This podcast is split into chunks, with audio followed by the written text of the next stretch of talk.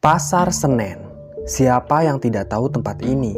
Pasar Senen terletak di jantung ibu kota Jakarta dan menjadi salah satu pusat ekonomi bagi masyarakat. Dulunya pasar tersebut berdiri di atas lahan milik tuan tanah asal Belanda bernama Justinus Fink. Nama pemilik tuan tanah itulah yang kemudian dijadikan nama pasar yaitu Fink Pasar. Lalu, seiring berjalannya waktu, nama pasar itu berubah menjadi Pasar Senen. Penamaan Pasar Senen tak luput dari aktivitasnya yang dulu hanya dibuka di hari Senin. Namun karena pasar itu selalu ramai, akhirnya Pasar Senen dibuka setiap hari. Aktivitas perdagangan pun berlangsung hingga saat ini. Namun, seiring berjalannya waktu, para pedagang pasar Senen harus bersaing dengan pertumbuhan mal di Jakarta yang begitu pesat. Hal ini membuat para pedagang kaki lima harus jemput bola dengan cara berdagang di kawasan bahu jalan pasar Senen. Kalau tidak seperti itu, maka mereka pasti akan kalah oleh mall. Dalam perkembangannya, wajah pasar Senen selalu mengalami perubahan. Selain itu, pasar Senen juga menyimpan banyak cerita dan sejarah. Siapa sangka kalau kawasan Pasar Senen dulunya merupakan tempat favorit berkumpulnya para intelektual. Sejumlah pemimpin pergerakan seperti Khairul Saleh, Adam Malik, juga Soekarno dan Bung Hatta kerap menggelar pertemuan di kawasan Pasar Senen. Selain itu, kawasan Pasar Senen juga menjadi tempat favorit berkumpulnya para seniman era pujangga baru pada zaman kolonial Jepang. Bahkan perkumpulan itu berlangsung hingga tahun 1950-an. Nama-nama seperti Aji Brosidi, Wim Umbo, dan HB Yasin muncul dari Pasar Senen. Mereka kerap dijuluki seniman Senen.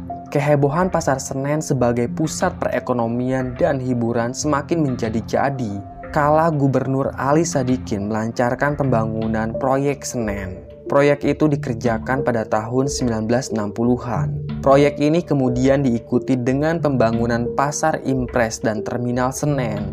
Lalu pada tahun 1990 dibangun pula superblok modern, Atrium Senen.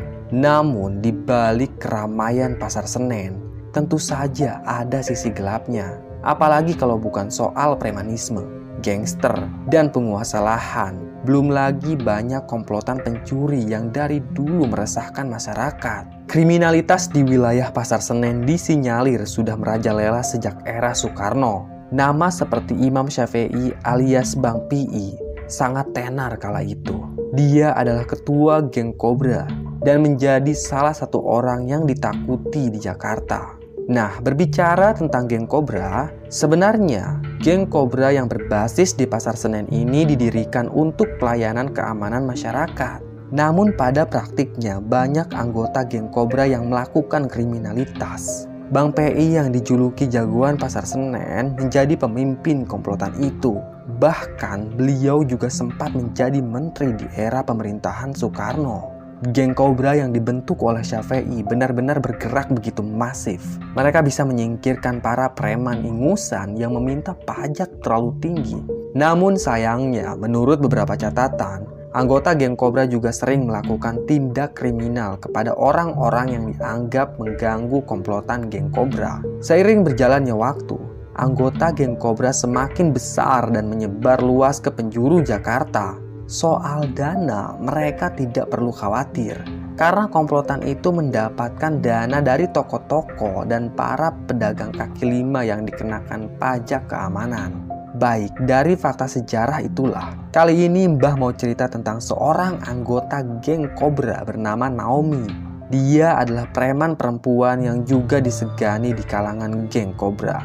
Tanpa banyak basa-basi lagi, langsung aja kita simak ceritanya.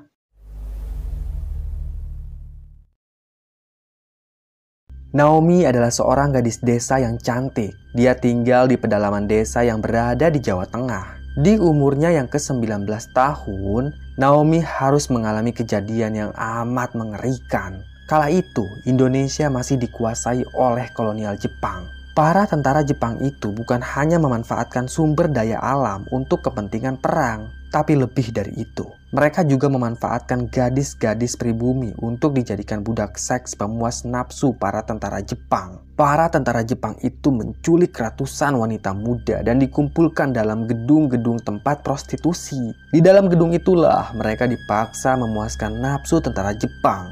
Naomi adalah salah satu korban perbudakan seks tentara Jepang. Sore itu menjelang maghrib, desa Naomi diobrak-abrik tentara Jepang. Para tentara itu marah karena pimpinan di desa Naomi enggan bekerja sama dengan Jepang. Pemimpin desa itu menghalang-halangi tentara Jepang yang akan menculik para gadis di desa tersebut. Tak segan-segan, salah satu tentara Jepang itu menembakkan peluru tepat di dadanya si pemimpin desa. Mereka pun menggeledah setiap rumah dan menculik para wanita muda di desa tersebut. Kala itu, kedua orang tuanya Naomi menyembunyikan anaknya di bawah ranjang lalu ditutupi menggunakan kain berwarna hijau. Tentara Jepang pun masuk ke dalam rumahnya Naomi. Mereka berbicara dengan nada tinggi sambil menodongkan senjata pada kedua orang tuanya Naomi. Dua orang tentara Jepang menggeledah setiap sudut rumah gubuk itu.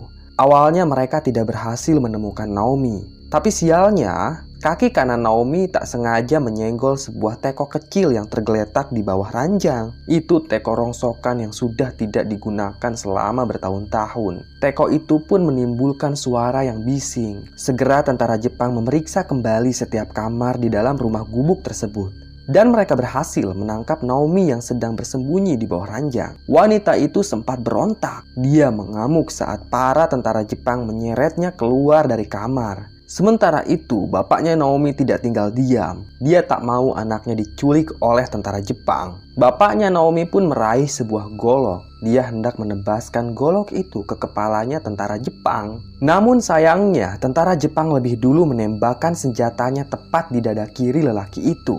Ia pun tewas di tempat. Kemudian ibunya Naomi menangis meratapi suaminya yang terkapar tak bernyawa. Wanita tua itu pun bangkit. Dia tampak sangat marah. Namun lagi-lagi tentara Jepang menembak wanita itu tepat di kepalanya. Naomi berteriak memanggil ayah dan ibunya yang terkapar tak bernyawa. Kemudian gadis itu dibawa menggunakan truk militer ke sebuah gedung yang amat besar. Di dalam gedung itulah tentara Jepang mengurung budak seks. Mereka dimasukkan ke dalam beberapa kamar dan setiap malam para tentara Jepang itu akan menyetubuhi mereka secara bergantian. Tak ada yang bisa menolong para gadis itu. Naomi sangat menderita di gedung tersebut. Singkat cerita, setelah Indonesia merdeka, pasukan Jepang mundur dari kawasan Indonesia. Para budak seks di gedung itu pun dibebaskan. Bagi yang masih punya keluarga, mereka pulang ke keluarganya masing-masing. Namun lain halnya dengan Naomi. Dia sudah tidak punya siapa-siapa karena Naomi ini adalah anak tunggal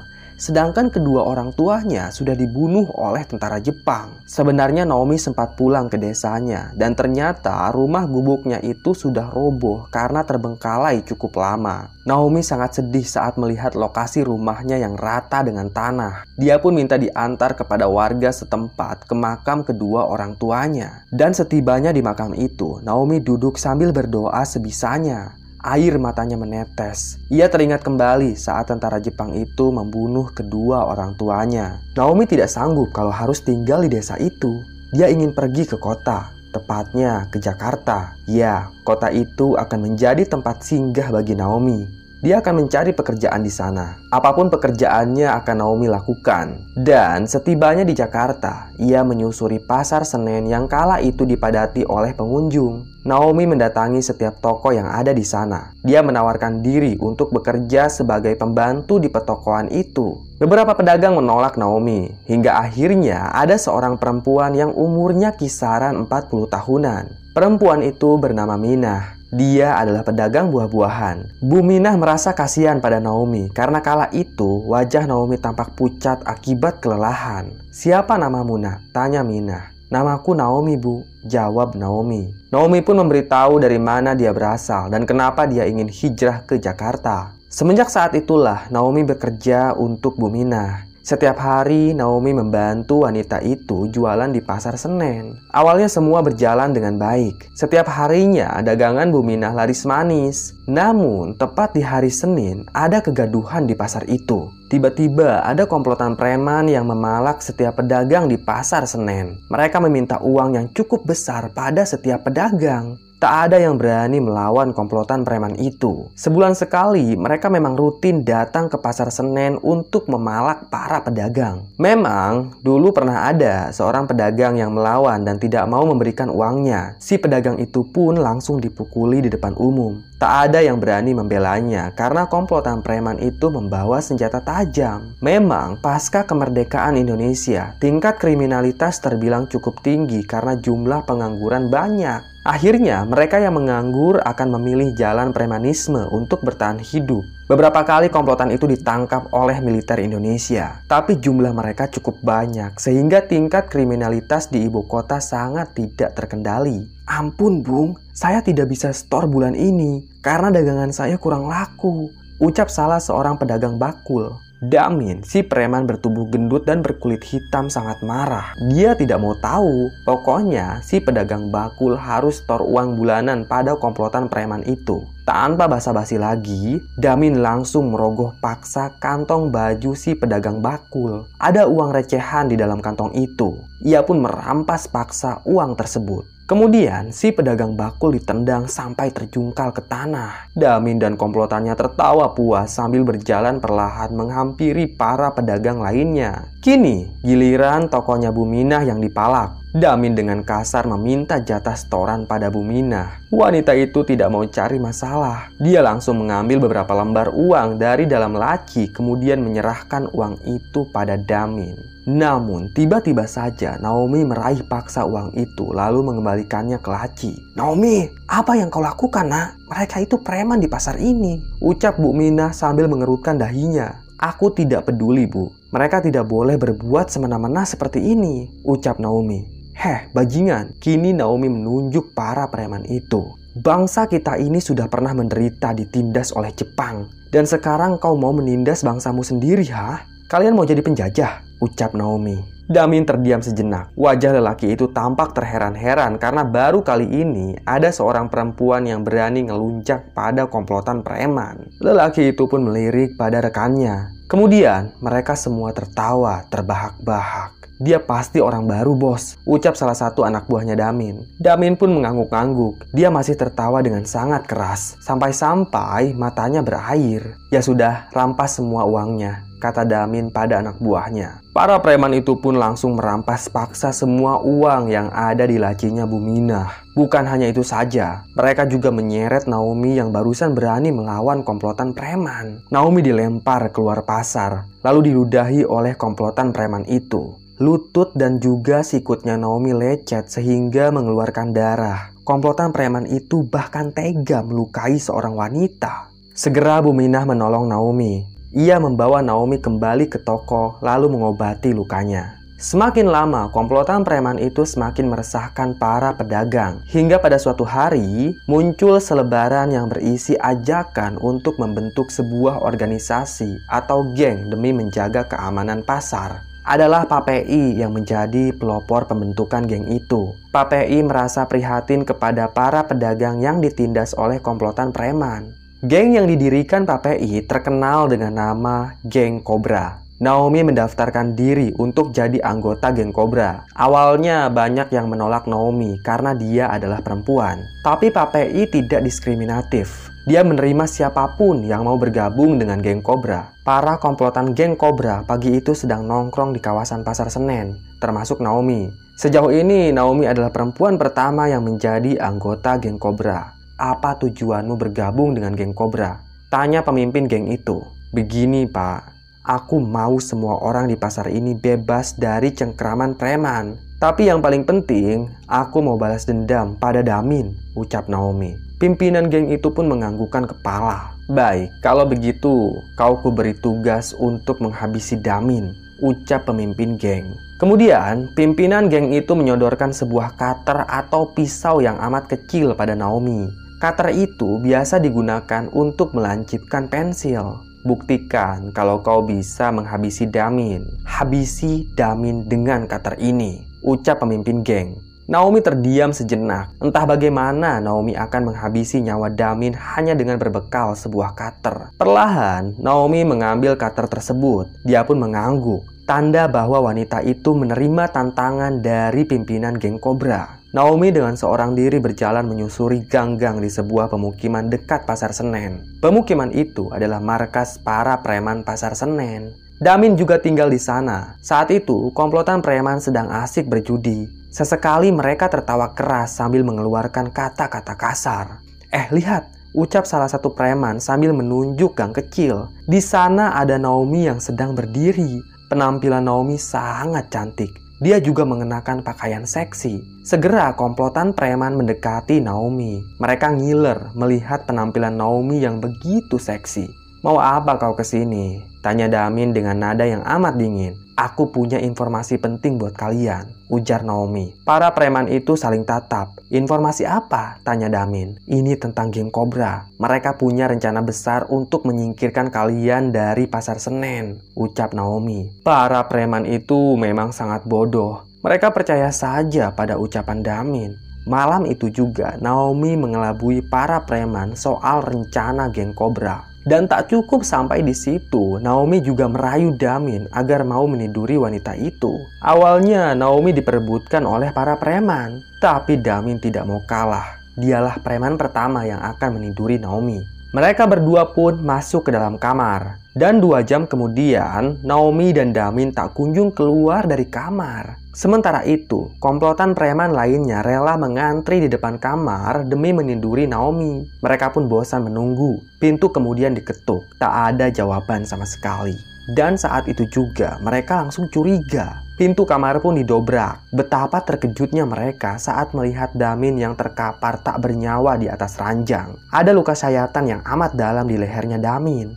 Naomi memang cerdik. Agar pembunuhan itu tidak terdengar, ia sempat mendesah dengan sangat keras sambil memasukkan cutter tepat di kerongkongannya Damin. Lalu, Naomi menarik cutter itu ke arah kanan sehingga membuat leher Damin sobek. Setelah itu, Naomi kabur melalui jendela kamar. Misinya sukses besar. Pimpinan geng Cobra pasti bangga pada Naomi. Keesokan harinya, komplotan preman menyerang pasar Senen. Mereka mencari Naomi dan hendak membunuh wanita itu. Namun, saat para preman itu masuk ke dalam pasar Senen, geng Cobra sudah siap menghadang mereka. Komplotan geng Cobra membawa senjatanya masing-masing. Bahkan sebagian dari mereka ada yang memegang pistol. Entah dari mana geng Cobra itu mendapatkan senjata api. Dan akhirnya, preman-preman itu ketakutan. Mereka mundur dari pasar Senen. Semenjak saat itulah tak ada preman yang berani masuk ke pasar Senen. Sementara itu, komplotan geng Cobra semakin besar bahkan menyebar ke seluruh Jakarta. Mereka sangat ditakuti. Dan salah satu anggota yang paling ditakuti di geng Cobra adalah Naomi. Walaupun dia seorang wanita, tapi Naomi ini berdarah dingin. Dia tak segan-segan membunuh siapa pun yang menjadi musuh geng Cobra. Selesai. Terima kasih sudah menyimak cerita Mbah. Tunggu cerita-cerita lainnya ya. Tetap sehat dan salam merinding.